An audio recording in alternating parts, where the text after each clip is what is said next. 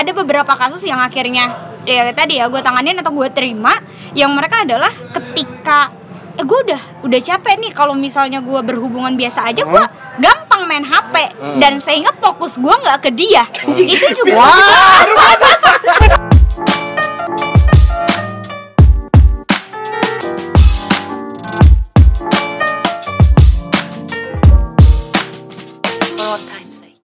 tapi tapi gini deh kan gue sempat baca undang-undang ketahanan keluarga ya RUU ketahanan Omnibus Law. ketahanan keluarga, Keluarga, bagian ya. produk omnibus law dari negara tercinta kita ya kan nah di omnibus law itu di, di, di salah satu pasal tentang ketahanan keluarga BDSM ya, Ya, ya. tapi Ah, gue itu, nggak tahu itu, itu. bahasanya tapi gue maknain itu sebagai BDSM iya. BDSM itu tidak diperbolehkan bahkan bisa dipenjara sedangkan yang kita ketahui adalah yang bukan kita ya Iya. gue ketahui BDSM itu salah satu genre Nah, atau dalam king hubungan seks king dari bukan king K I N G tapi K I N K king king atau Fetis, fetis. fetisnya Iya. fetisnya Oh, fetisnya king. orang Oh. dalam berhubungan seks Oh. gitu Iya, kan kok bisa bisanya ya Mas Den jadi itu. sebagai ente orang hukum kok bisa bisanya sih itu kan masalah privat kenapa Nah, kenapa di- itu di campur adukan. campur adukan gitu Betul. Jadi gini loh, eh, kalau terkait dengan RUU Omnibus Law yang sekarang Nah. ini lagi marak, itu ka- maaf ya eh, para eh, lawmaker, saya harus mengkritik mengkritisi bahwa kalian tuh harus bisa membedakan mana ranah hukum publik dan mana ranah hukum privat gitu. Ah.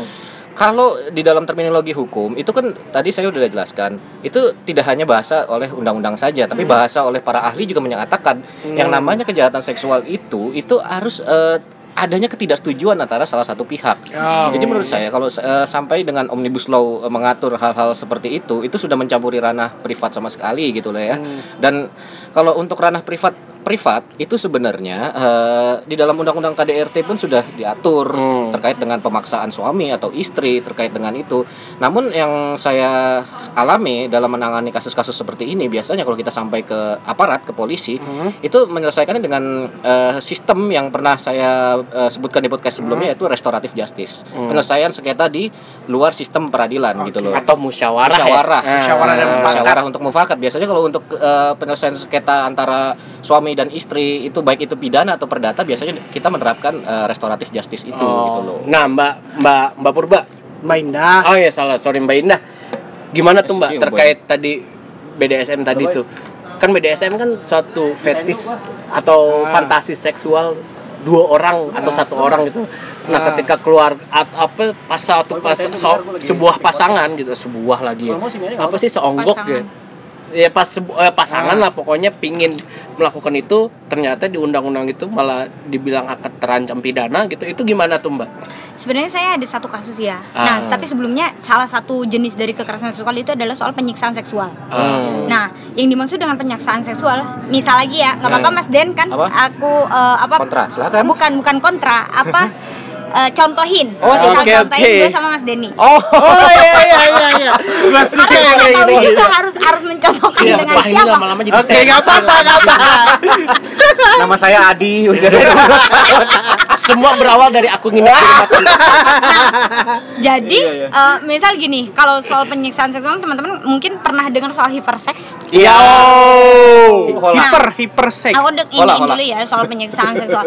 Nah, ketika ketika dia mau berhubungan seksual, kemudian misal misalnya Mas Den harus menampar aku, Wow. menampar gue gitu kan, atau Wow. misalnya nyiksa gue Oh, kayak baru gitu. itu ada kepuasan, gitu ya, Iya bember. kan, sorry. Nah, ketika itu ada kepuasan, maka itu termasuk dengan kekerasan seksual. Ah, nah, tapi kalau- kalau kalau ya kalau gue juga gue capek gitu dan gue juga Ah. bukan gaya itu. Tapi Ah. kalau dua-duanya ternyata Menikmati. menikmati, dengan gaya itu, Iya, bukan itu, kekerasan itu seksual. bukan kekerasan Bukan. karena nggak Bukan. dikonsensus Iya, gitu kan. konsensus. Karena juga ada loh, eh, sorry ya, kayak misal mungkin dia pasangan-pasangan yang Suka hal-hal eh, itu. suka hal-hal Ah. itu atau mereka punya punya apa Fetis. ya fetish. fetis atau punya kayak Fantasi. ah gue gue gue untuk bosan menca- ah untuk gitu. mencapai titik itu, Mm-mm, titik harus dengan kayak untuk gitu harus dan itu. nggak nggak sedikit gitu loh. Dan Oh, itu iya. ada kok mbak. Maksudnya ada beberapa kasus yang akhirnya ya tadi ya gue tanganin atau gue terima yang mereka adalah ketika eh gue udah udah capek nih. Kalau misalnya gue berhubungan biasa aja gue gampang main HP dan sehingga fokus gue nggak ke dia. Itu juga. Sambil Mobile Legend. Sumpah itu pasangan lu nggak Gak bisa main.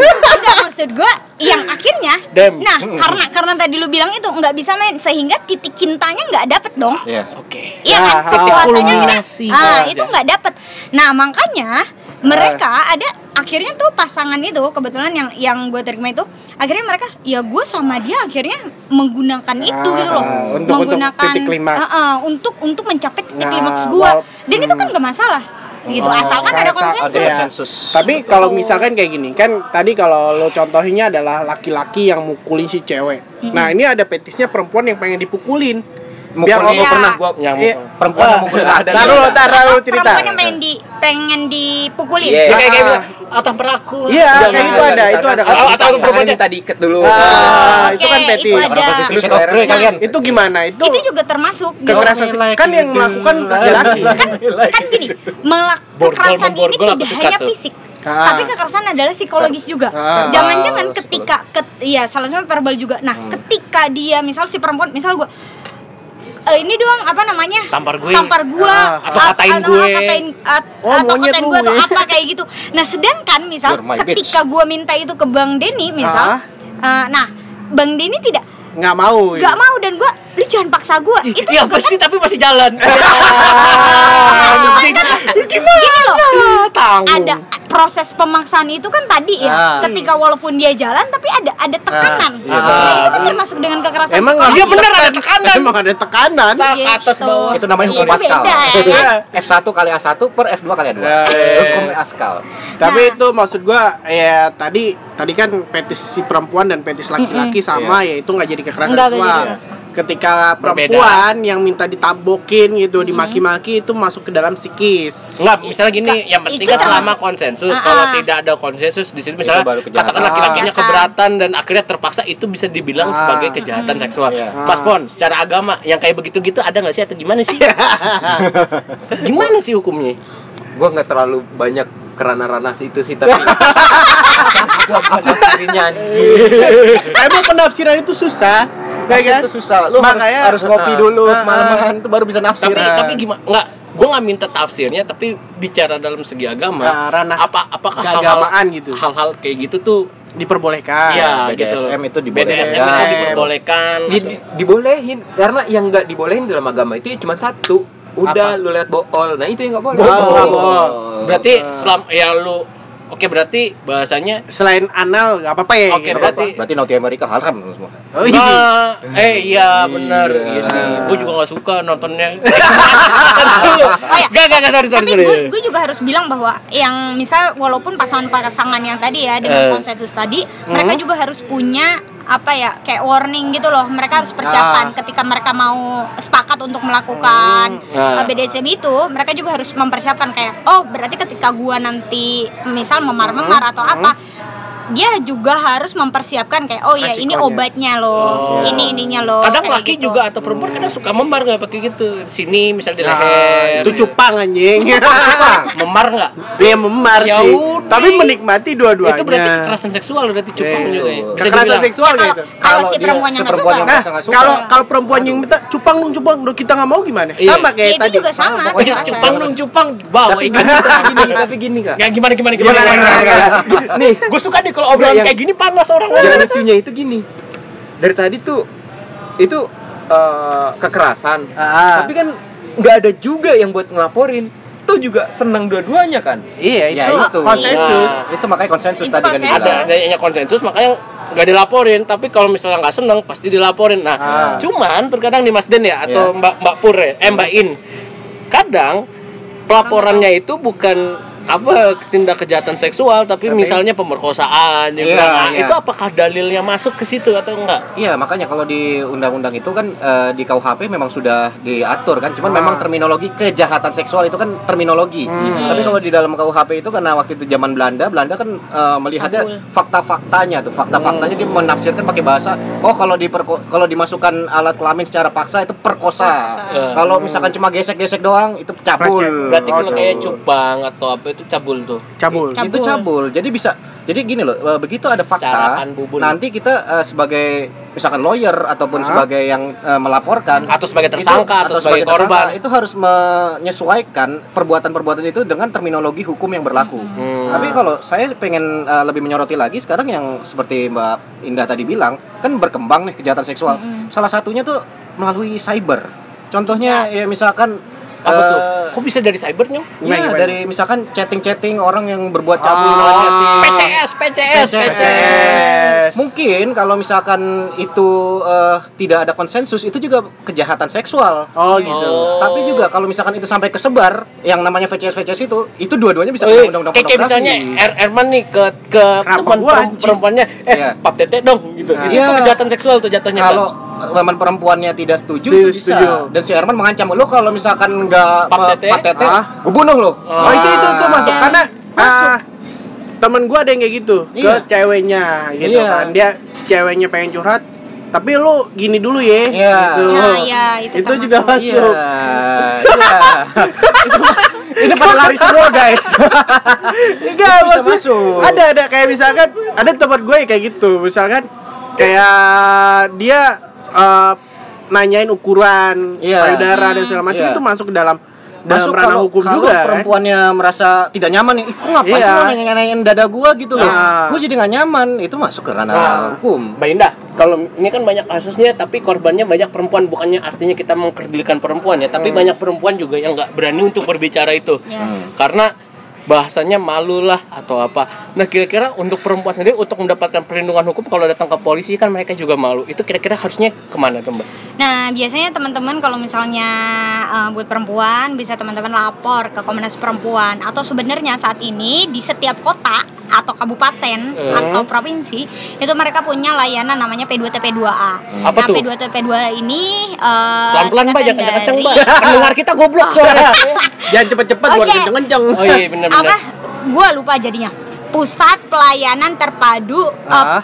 uh, Pemberdayaan Perempuan dan Anak. Oh iya. Gitu. Pemberdayaan. Nah, jadi di P2TP2 itu eh, mereka punya layanan untuk konsultasi hukum, Nah. juga konseling psikologis. Dan Kayak dibantu gitu. tuh Mbak, misalnya proses hukumnya jadi pengacaranya kira-kira begitu. Iya, ada ada sampai Oh. mereka mendampingnya sampai di eh, Pengadilan. pengadilan, gitu. Gratis, Mbak. Iya. Gratis. Nah, Tapi kalau itu- punya duit sedikit datang ke gua aja, lo. Masih kemarin. Butuh duit, butuh butuh duit. Mas Den, Ya. kalau misalnya tadi kan kalau Mbak Indah tadi kita dari segi perempuan. Ah, Iya. kalau laki-laki yang mengalami kekerasan seksual tadi, karena kan kita kan kita kan kita nggak ada nggak ada komdis laki-laki nih. Iya, iya. Nggak ada komdis, lagi. Komdis aja. Komdis komisi disiplin. Kom- Komnas Komnas laki-laki. laki-laki. Iya, iya. Nah, kita kan nggak ada. Nah, kalau seorang laki-laki kan kadang suka malu untuk mengatakan itu. Ah. Kayak misalnya dipaksa, eh, pap titit dong. Kalau kamu, kamu aku aku aku Putusin. nah, apa gitu kan. Nah, ini gimana Mas caranya? Bangsat, bangsat. Saya jaga jarang denger ya ada laki-laki begitu. Iya. Tapi gini, kalau secara hukum itu kan kita harus bicara kesetaraan antara laki-laki dan Ah, perempuan kan. iya. Itu kita lapor aja ke aparat. Iya. Nggak Oh. masalah. Nggak masalah. Mau saya dampingin juga nggak apa-apa gitu. Iya. Tetap aja. Dan ini juga ya kayak di, lapor. di P2 juga tidak tidak hanya mereka terbuka untuk perempuan aja. Nah, itu kayak mereka bisa. eh, cara penengahan kayak kalau misalnya di penanganan hukumnya ya tadi betul kata Mas Den Iya. bahwa ya laki-laki silakan aja gitu. Laki-laki silakan. Hmm. Karena kalau nggak salah eh, dulu Indah kalau pernah nggak salah berarti benar. Enggak, maksud gue Indah pernah cerita mengenai eh, yang kekerasan seksual di kampus Iya. gitu kan. Ada ya? Di- Iya, dibawa ke kosan. Gimana gimana ceritanya gimana? Wah, itu lu sering dulu waktu kuliah. Yang gimana gitu? Wah, hehe, itu gua kalau nggak ada gua misalnya- paksa semuanya pada mau datang ya. Enggak, enggak. Salah Tapi ada misalkan lu berteman, ya kan dia bawa eh, bawa Indah misalkan, terus Itu kan ke kosan kalau apartemen Iya, ke kosan. Kayak gua. Iya, ke apartemen ke mana gitu. Oh, apartemen. Gimana? Yang kemarin tuh, ya Nah, Lu biasanya berarti udah pernah ngobrol sama Mbak Indah? Oh, Ya. pernah. Ngajak juga ke kosan. Enggak. beda ke hotel. Edan, sadis bos. Enggak, contoh kasusnya yang lu tanganin Hmm, yang sendiri biasa ya, yang biasa. Nah, kalau misalnya di kampus-kampus yang biasa di yang biasa ada itu adalah eh, kekerasan Dosen. dalam pacaran. Oh, dosen kebanyakan ya, ataupun ya yang tadi betul Iya. ada desen ke mahasiswa atau Ah, yang mereka yang ngelakuin adalah eh, OB, sorry ya, kayak office boy Hah? ke mahasiswi mahasiswi itu juga banyak terjadi. Ah. Ya, Oh. maksudnya terjadi di beberapa kampus ya. Ah. Nah, mungkin kalau misalnya yang tadi yang pernah gue ceritain sama lu adalah di kampus gue gitu. Jangan Notice- disebutin lah. Kita tahu kampus lo. nah, eh, Dulu pernah ada kasus ya waktu pas yang di salah satu sekolah swasta ingat gak yang Hmm. Oh. Ocek Aligis. Oh iya iya. Waktu itu adalah OB yang kepada siswa masih di bawah umur, Ah. Oke. dia malah melakukan eh, ya ibaratnya Pencabulan. perbuatan pencabulan. Pencabulan. Itu kan pencabulan bukan perempuan, laki-laki. Nah, iya. Nah itu kalau misalnya laki-laki sama laki-laki atau perempuan sama perempuan, apakah itu masuk dalam tindak pidana ke- kekerasan seksual? Nah, Iya, itu dia. termasuk kembali karena lagi. Reinhard Sinaga kan kena. Betul betul. Ini saya mau bilang sekali lagi di dalam KUHP itu tidak ada pembedaan itu perempuan Eh, atau perempuan atau laki-laki. laki-laki. Itu semua sama. Cuman bedanya kalau kayak kasusnya Renhard Sinaga, kebetulan Inggris itu kan dia sistem hukumnya sudah, lebih Sudah, maju. ah, ah, betul. Orang seperti itu dia bisa dihukum seumur hidup. Renhard Sinaga di seumur hidup. Kalau kita maksimal 7 tahun. Dia seneng dong kalau di penjara seumur hidup. Wah, dia Nggak pasti ada penjara khusus pasti Maksudnya ya. ditaruhnya dia di penjara perempuan. Enggak, dia harus di dia stres Alcatraz. sendiri. Dia di Alcatraz Iya. harusnya. Anjing gak ada bisa gue cabulin. Iya. Jadi Terus, terus, kita belum. Jadi kita tuh maksimal kalau yang seperti kejahatan uh, Reinhard Sinaga itu hanya 7 tahun. Oke. Tujuh Iya. tahun. Jadi kita belum bisa Nah. mencakup kemarin banyak yang nanya. Eh Dan kok bisa yang itu seumur hidup sedangkan kita bisa nggak seumur hidup? Kita nggak bisa karena kita ya itu revisi KU- KUHP kita belum direvisi, masih tujuh Ah. tahun maksimalnya 9 tahun. Oh, nah Mas Pon. Secara agama, Edan. pap tete itu gimana? Kayak misalkan gini, ada sa- gini gini. Nah, gini gini, tar dulu sebentar. Karena gue pernah da- dengar Masih zaman di, di Instagram atau di di Line atau apa yang Astagfirullahaladzim. tentang kriminal-kriminal itu bilang jadi pernah ada ustadz itu minta pap tete santrinya eh, bukan santrinya sih Ah. namanya kalau muridnya lah murid ngajinya Astagfirullahaladzim. nah itu kayak itu itu gimana tuh hukumnya tuh? Terus uh, ada satu nih tambahan, kayak misalkan kasus yang kemarin gitu kan, ada kesebar chat-chat seks gitu ya. Itu kan melibatkan seorang ulama gitu. Ah. Itu gimana cara hukum agama?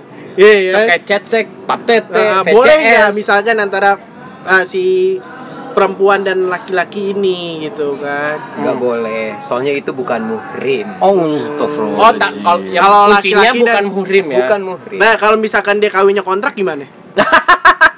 gimana dong? Nah, itu harus ada tafsirnya dong. Iya kan? Iya kan misalkan dia ke puncak Gini. kawin kontrak. bos, bos, bos, otak lu kejauhan bos. Kenapa? Karena tadi bahasnya kalimatnya kawin kontrak. Kalau udah kawin, namanya udah Ah. kawin biarpun sifatnya kontrak ya Den ya. Iya, betul. Itu namanya sah tetap ya kan? Secara, secara Ya, secara- agama, secara agama secara saja. hukum, Ya, secara agama sah Nah, sah. aja. boleh ketika dia minta yang namanya hal-hal seperti itu. Ah, biarpun Iya. kalau udah sah, Pak Ah. Tete boleh nggak? Boleh nggak? Kalau misalnya Kalau lakinya misal- jauh. boleh boleh tapi Boleh. dengan syarat ya lu misalkan nih lu suami terus lu minta pap kayak gitu Hmm. terus dikirim nggak masalah Kecuali tapi yang nggak boleh itu setelah dikirim lu coli udah gitu Oh, itu nggak boleh. kenapa boleh Lah, Lah kalau jauh Lah, bu- kalau misalkan misalkan nih, ya kan, Masturbasi. itu nggak boleh, terus dia malahan jajan, itu lebih bahaya kan? nah Nah, Nah, gimana tuh? nggak boleh dalam agama lain Ah. pasak jadi bahasanya itu gini coli itu nggak boleh tapi dicoliin Boleh. Kan ini dicolin sama tangan. Iya. enggak sama pasangan ya Oh. kan ngomongin muhrim Oke.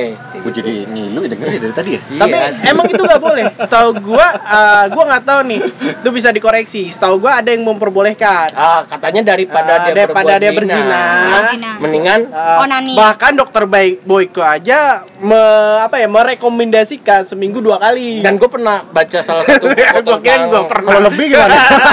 Lecet barang. tentang sex ed tentang sex education dikatakan bahwasanya kadang coli itu bisa menjadi obat Ah, obat stres. obat stress reliefnya Ah, orang-orang gitu loh bahkan tapi- bukan cuma ah. laki-laki perempuan juga gitu Tapi gue ya, nggak tahu colinya mereka gimana tapi ada Yang juga yang nih, mengatakan perempuan? Iya. bahwa coli itu membuat otak menjadi rusak. Eh, karena itu lebih bahaya dibandingkan dengan kecelakaan. ya iyalah bos Ya, karena mungkin begini karena bos ini karena kes- kalau kalau keseringan iya kayak ya. lu minum aja aqua segalon lu minum full mabok. seharian pasti Ah, mabuk kan cekpot cekpot Tuh tuh gimana tuh? Tapi otak gue lancar aja kok coli. boleh itu masuknya kan zolim sering berarti. Oh, kurang sering orang lain Oh. di dalam agama Islam nggak tahu Oh. kalau di dalam agama yang lain Oh, subhanallah. Tapi kan kalau misalkan kayak belum punya istri gitu, Hmm. dia belum bisa menahan hasrat. puasa.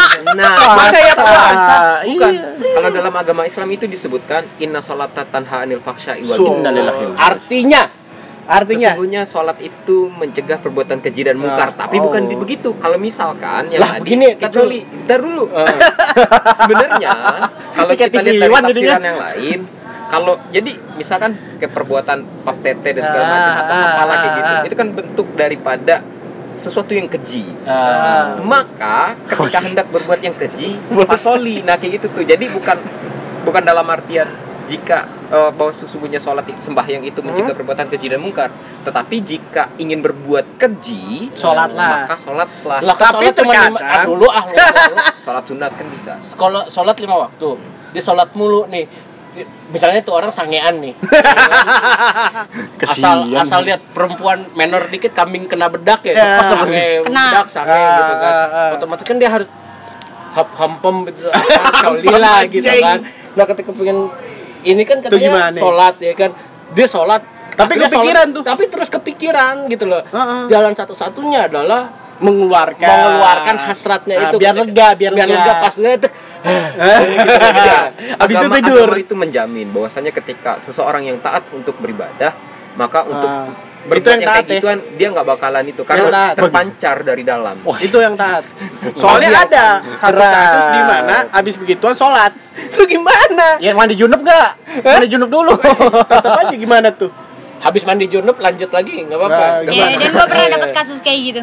Ada. Dan kebetulan eh ya salah satu orang terkenal juga. Wah. Oh, jangan, jangan, jangan, jangan. Eh, Jangan sebut merah. kasihan Herman Kenapa? Gimana, gimana? Herman masih pingin podcast ini panjang Cuman salah satu tadi juga kayak misal kalau dia Ah. pasangan suami istri, eh, misal dia pengen pap ya, eh Mm. iya eh, maksudnya dia pakai Ap- aplikasi Video call. iya, Eh. mau video call kah atau mau apa, kemudian eh, dia min harusnya Minta gini, itu. eh, diminta minta itu seharusnya itu juga di, dibilang maksudnya ketika lu oke mau perempuan atau mau laki-lakinya mereka punya konsensus.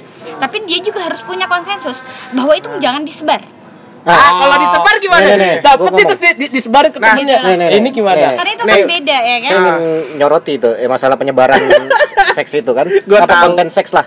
Itu sebenarnya kalau di Undang-Undang 4 2008 tentang pornografi walaupun kita ada konsensus nih tapi itu kesebar Hmm. Iya. itu bisa melanggar undang-undang itu dan bisa ada pidananya guys Nah, jadi nah. oh bisa jadi gini, dipidana ya berarti jadi ya gini eh, kita harus melihat kita- saya ngambil contoh yang terkenal aja deh Ariel sorry Ariel ya Hmm. kan pernah udah ada putusannya jadi gue nggak apa-apa dong Ah. Ariel Ariel itu sebenarnya kalau menurut saya tidak bisa dipenjara Kenapa? kenapa, kalau dalam hu- hukumnya itu adalah membuat menyebarkan jadi Ah. dia membuat dan menyebarkan baru bisa dipidana tapi Ah. hanya membuat untuk disimpan itu tidak Ah. dipidana tidak Oh, masalah Oke, kata kuncinya adalah kalau dia cuman buat tapi disimpan untuk Disimpan. pribadi, Ah, nggak masalah. ada Tapi masalah. ketika dia sebarkan, Sebarkan, itu Nah, jadi Nah, masalah. Tapi gini, ada ada misalkan satu kasus, Bener sih. iya kan?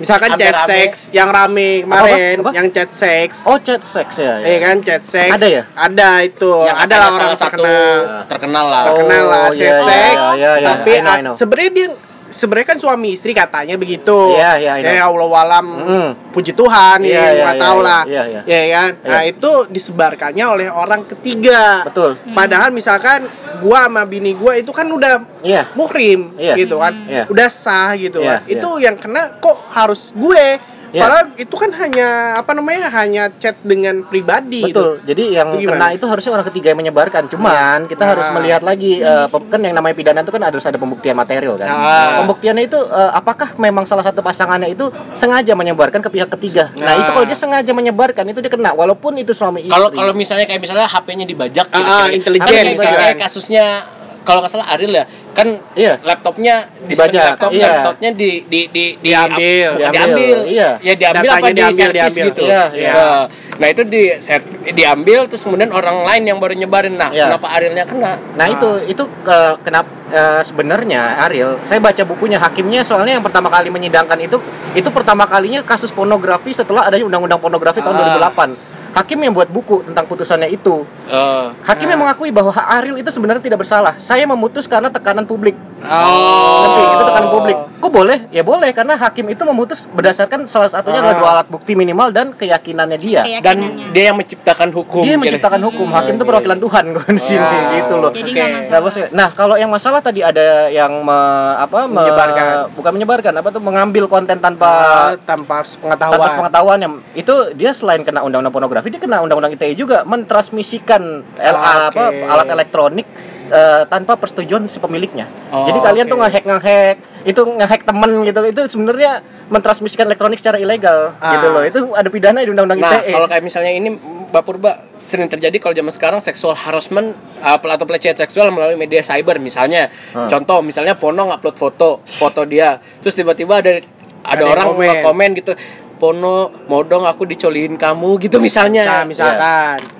Itu itu apakah masuknya Apalagi itu dalam ngomongnya laki-laki bisa, bisa gitu. juga dibilang kejahatan seksual nggak Mbak? Kayak gitu. Itu termasuk dengan kekerasan seksual. Oh, kok kerasa. itu kerasa. Karena kayak yang tadi sebenarnya pelecehan seksual itu kan tidak hanya eh, apa namanya fisik aja ya, Iya. tidak hanya fisik, cuman kayak kata-kata kayak misalnya sorry itu saya kayak kayak payudara lu kecil, eh Iya. lu kecil, Iya. gede gitu. Oh. Itu juga termasuk dalam Ah, kalian pernah dikatain nggak penisnya kecil?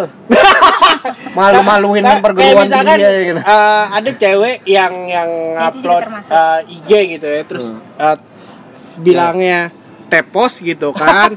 itu ada orang maksudnya orang iya orang. tepos Ah, gitu. ah, ah. Itu gimana? Itu gimana? itu juga termasuk gitu Itu termasuk. dengan eh, pelecehan seksual cuman yang tadi kalau misalnya mungkin dibawa dibawa dia kemudian dilaporkan ke ranah pidana Iya. itu akan lebih akan sulit akan sulit eh, pembuktiannya Pembuktian materialnya. gitu.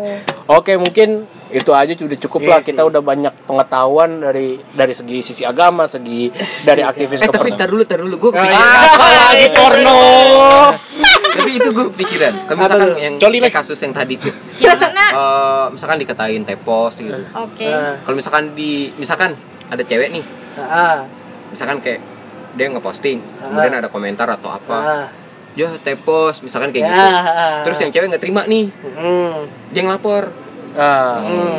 itu Bisa bakalan eh, bi- bisa bisa diterima atau enggak Bisa. laporannya? Bisa. cuman Bisa. tadi sulit pembuktiannya dan itu Pembuktiannya. pasti apa meng- apa pu- harus punya waktu lama Nah kalau misalkan Ada itu chatnya itu? bukan bukan bukan maksud gue gini bukan ke arah chatnya itu Ya. Apa? misalkan kalau misalkan di pembuktiannya itu misalkan Teman-temannya. eh, polisi gitu loh Hmm. ya kan Eh, sebagai pemangkunya lah Aparat eh, penegak hukum, aparat penegak hukum juga mengatakan Hah? Lu tepos. ya emang tepos gitu loh itu gimana kasusnya Ya itu makanya seperti yang Bu Purba bilang tadi kan. Ih, Bu In- Mbak Indah. Indah. Ya Allah. Saya grogi maaf. Ah, iya iya iya iya iya. itu eh, kan harus ada pembuktian material. Tentunya penyidik itu di dalam kitab undang-undang hukum acara pidana itu dia punya diskresi sendiri menentukan Ah. bahwa itu adalah pidana atau tidak. Itu kan Iya. subjektivitasnya dia. Nanti begitu pas eh, misalkan mengatakan eh, oh iya ternyata pidana, ternyata perbuatan ngomong tepos itu adalah pidana. Hmm. Dia masuk nih ke jaksa nih kan. Jaksa juga menilai lagi tuh. Ditilai lagi, di cross check lagi. Oh iya masuk, baru dibuktikan di Lah iya pengadilan. emang tepos kata jaksa. Emang, Eh, emang tepo apa maksud maksudnya bukan emang ya tepos tapi maksudnya oh iya ini adalah pelecehan seksual masuklah itulah baru ada pembuktian meskipun di sidang. belakang itu jaksa atau aparat penegak hukum di dalam hati atau ngomong sama temannya ya emang tepos sih ya udahlah iya apa-apa." iya betul Nah, iya kalau misalnya bahasa eh, sorry eh, perkataan-perkataan tadi kayak dari penegak hukum itu tidak menjadikan si perempuan ini misalnya tidak diharapkan Atau si dia, korban lah ya. atau si korban ini ya atau si korban ini kemudian tidak merasa terganggu ya itu nggak masalah. masalah gitu loh Pokoknya kunci di penegak hukum itu Eh, dan kemudian kalaupun memang mau dibuktikan ya dengan cara pemeriksaan psikologis Pemeriksaan psikologis makanya kan ada di dalam uh, hukum acara pidana kita tuh adalah keterangan ahli. Nah mungkin nanti dipanggil tuh ahli-ahli psikologis. Itu perkataannya mereka bisa jadi alat bukti. Intinya kan yang penting salah satu dari itu tuh terganggu gitu ya. Terganggu, pokoknya Merasa ada salah terganggu satu berarti merasa enggak. terganggu, haknya dilanggar, itu adalah kejahatan seksual. Oke. meskipun emang sekalipun dia tepos misalkan Iya, buset. Kayaknya porno ini punya punya pengalaman sama cewek tepos. Jadi kan gini teposnya seseorang Nah. atau besar kecilnya seseorang itu, Itu- kita nggak bisa nilai karena belum tentu yang besar memuaskan, belum Eh, tentu yang juga yang kecil kecil tidak memuaskan. Tepos gitu. memuaskan loh, lu belum pernah nyoba sih. Nah, Belum pernah. Enggak, kadang kok cup testimoni, A, testimoni kadang orang-orang. cup A, sama Cup D. Kadang Cup A lebih menggigit dibandingkan Cup D. Ya, Kira-kira begitu. udah, Tapi udah, udah, udah, udah. ini kepanjangan kita ngalor ngidul, kita ngomong yang jelas tapi ini pesannya kalau bagi kalian yang para Ya. orang-orang yang suka melakukan kejahatan seksual atau atau kekerasan mengalami. seksual tolong jangan kayak gitu ingat ini Iya. bahayanya bukan cuma buat buat si korban doang Ah. tapi buat lu juga buat lingkungan lu juga buat lingkungannya dia juga kita Iya. harus pikir panjang jaga jaga diri lu baik-baik gitu loh Ya, dan kalau ada kekerasan seksual bisa diadukan. Jangan usah takut buat ngomong. Itu kan mau cowok mau cewek ya kan itu harus segera ditindak. Oke, lanjutin. sampai di sini aja podcast kita. Sampai jumpa di akhir pekan berikutnya. Bangsat kalian semua. Eh, matiin. Keren deh.